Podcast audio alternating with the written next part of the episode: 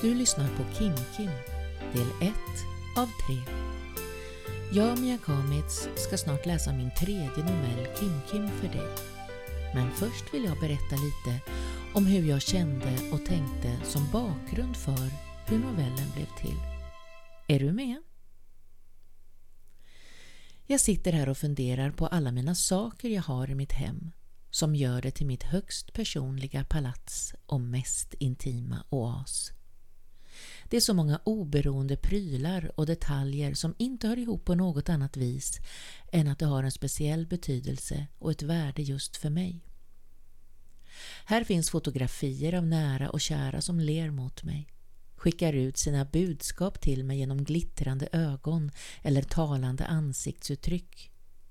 Fångade ögonblick som vittnar om händelser som blivit till fina minnen jag kan välja ut precis just de som skänker mig mest värme och glädje och avstå de som inte gör det. Ibland kan till och med en vacker bild sticka till en smula i mitt undermedvetna för jag påminns om något i skuggorna. Minnet ruvar på något viktigt som jag aldrig får glömma bort. Det kan göra lite ont i hjärtat men det är en viktig pusselbit i den stora helheten. Lite här och var finns spår av en svunnen tid. Charmiga saker som barnen knåpat ihop med sina dagis och skolhänder när de var små och valt ut just mig som mottagare till. De frågar mig bryskt varför jag har sakerna kvar och förstår inte själva än att det är på grund av gesten mer än saken. Det är en kärleksförklaring i mina ögon att jag fick den där målade pinnen med fastlimmat skägg och bara ett öga för det andra sedan länge ramlat av. Nu hänger pintomten varje jul på sin givna plats och påminner om att jag blev utvald och fick känna mig betydelsefull. Och den bidrar samtidigt till en viktig tradition. Likadant är det med den lilla röda lerfiguren som står i tvättstugefönstret och tittar ut i trädgården. Aldrig att den skulle få lämna sin post eftersom den så starkt förknippas med min dotters lilla personlighet en gång för länge sedan. För alla förändras vi, utvecklas och växer upp. Men kvar inuti oss alla finns det lilla barnet som är ursprunget till den vi en gång sen kommer att bli. Barnet inuti oss kan förklara mycket och är något man måste vårda och försöka förstå sig på.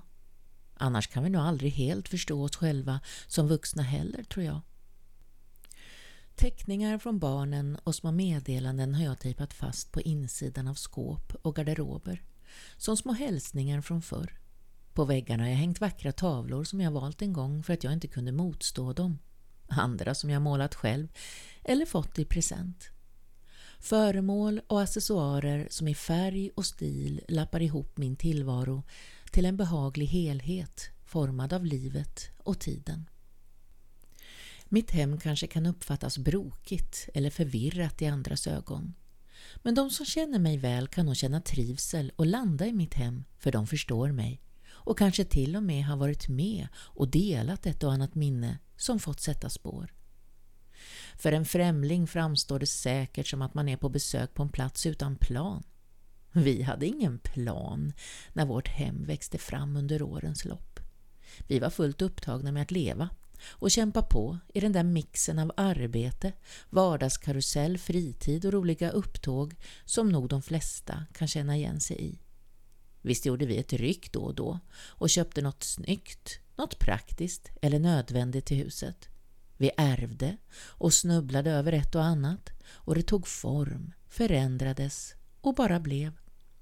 Det är lätt att bli hemmablind, men jag mår bra i mitt stora gula trähus och jag ler tillbaka mot alla fotografierna som jag valt ut av en anledning. Det blev som sagt som det blev och det är först nu jag reflekterar över det. Har lite tid över att riktigt titta mig omkring jag skulle ha svårt att skiljas från mina kära minnen och ägodelar. Och jag har förhållit mig till min makes för honom lika kära attiraljer, även om det egentligen inte är sakerna som är det viktigaste i livet. För det är relationerna och de ger sig också till känna i allt som omger mig. relationen till mina barn och min partner som jag valt av kärlek. Till övrig familj och släktingar som jag inte valt men ändå hyser kärlek och tillhörighet till, om än på lite olika och annat sätt. Till vänner som man valt för att de är av samma skrot och korn som jag själv och avspänt och naturligt kan vi spegla oss i varandra och vila i samma värderingar kollegor eller bekanta som befinner sig i min omedelbara närhet och arbetar tätt och nödvändigt med. Det är viktigt och behöver fungera. Alla har ett stort behov av att passa in och höra till. Älska och bli älskad. Det är också relationerna som det kan bli fel, uppstå missförstånd och framkalla starka känslor.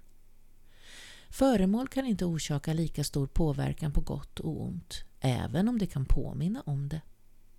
Det är nog mycket av bakgrunden och drivkraften till min tredje novell Kim Kim när jag tänker på hur den kom till. Vi pausar kort i alla tankarna här och lyssnar och vilar lite till musikstycket som jag har skrivit till novellen innan vi fortsätter. Du kan försöka föreställa dig mig sittandes vid mitt instrument säkert ganska sent om natten, med mina hörlurar och knåpa. En underbar syssla och för mig både läkande och meditativt återhämtande. Som en vitaminkur i tonformat.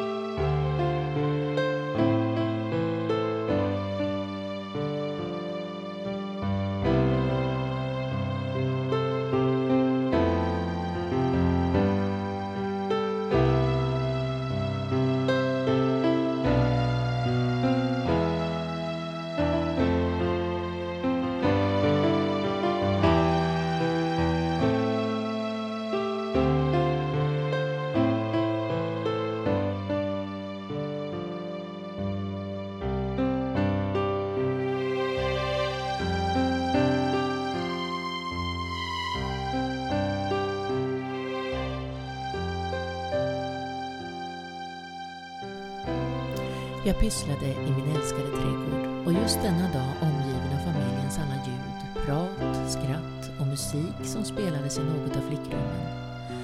De är ju som tur är hemma på besök ibland och faller omedelbart in i gamla mönster precis som när de var små.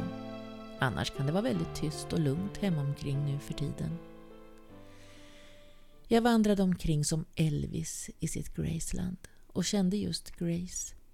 Det betyder egentligen nåd, men för mig som inte är religiös passar ordet tacksamhet bättre. Jag kände tacksamhet för allt som jag har.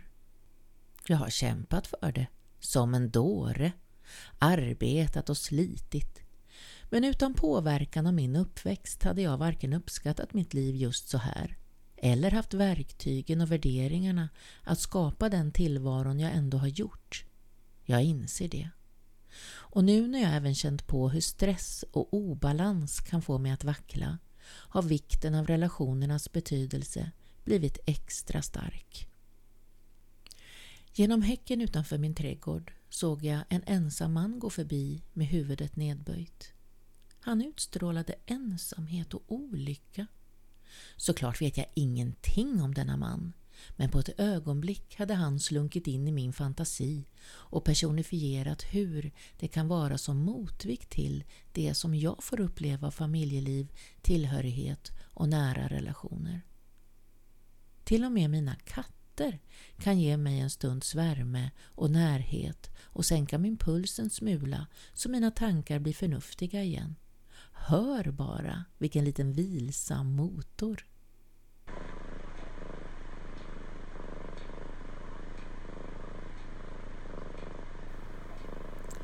Plötsligt insåg jag hur lätt det är att göra rätt när man har ett kärleksfullt nätverk. ett skyddsnät av omsorg och hjälp vid behov. Jag blir sedd och är viktig i andra människors liv. Jag lyssnar på och blir själv hörd. Jag ger och får själv tillbaka. Jag tänker ofta inte ens på det, men blev varse när jag såg den sorgesamma mannen på andra sidan buskarna. I samma ögonblick insåg jag hur fel det skulle kunna bli utan att man till en början menar att skada. Inte ett försvar, men en förklaring till hur det skulle kunna gå när den som söker det hen tror att alla andra har och också själv så starkt vill uppleva till varje pris och med hopp om någonting gott drivs så långt att allt istället slutar i tragedi. Hur uppväxt, dysfunktionalitet och hur man blivit behandlad så småningom tvingar fram beteenden och behov starkare än allt förnuft. Jag får väl erkänna att resonemanget kan innehålla en smula fördomar också, men det kommer jag inte ifrån. Det är varken fakta eller vetenskap. Mina tankar rör sig fritt och behöver vädras, granskas och i fantasins värld är allt möjligt och tillåtet att utforska. Min tredje novell Kim Kim handlar om en sådan motvikt till goda relationer. Sökandet, längtan och försöken i möte med det desperata. Också hur man tar saker i egna händer i en hetsig karusell mot det oundvikliga, i viljan att rätta till. Det är som yin och yang, mörker och ljus, ont och gott. Människan strävar efter att utplåna det onda, men när något eländigt släcks ut vaknar något nytt och jakten fortsätter. Jag menar inte på något sätt att jag tycker tråkigheter är något positivt. Men utan balansen mellan två motpoler glömmer man lätt bort att vara tacksam, nöjd och varsam om det man har. Ni minns väl Alfons Åbergs farmor som sa att det måste vara lite tråkigt ibland, annars vet man ju inte när det är roligt. Det ligger mycket klokhet i det. En olycka kan få en att dra efter andan om man inser att man haft tur. Sjukdom kan få en att bli varse att livet är skört och man måste ta vara på varje dag. Naturkatastrofer får en att förstå att vi är små och obetydliga fast vi som ras ger oss själva enorma rättigheter och på sikt kan skada och förändra. När det blir vajsing med något i vardagen försöker jag att påminna mig om det sättet att tänka. Annars är det så lätt att bli arg och upprörd. Det ligger nära till hands att bli arg och upprörd. Ibland är det nästan lite skönt att få släppa ut lite härlig aggressivitet. Men det landar ju också någonstans. Inte sällan på någon som kanske inte hade med saken att göra, utan bara kom i vägen. Det är inte schysst. Därför jobbar jag vidare med mig själv och min filosofi.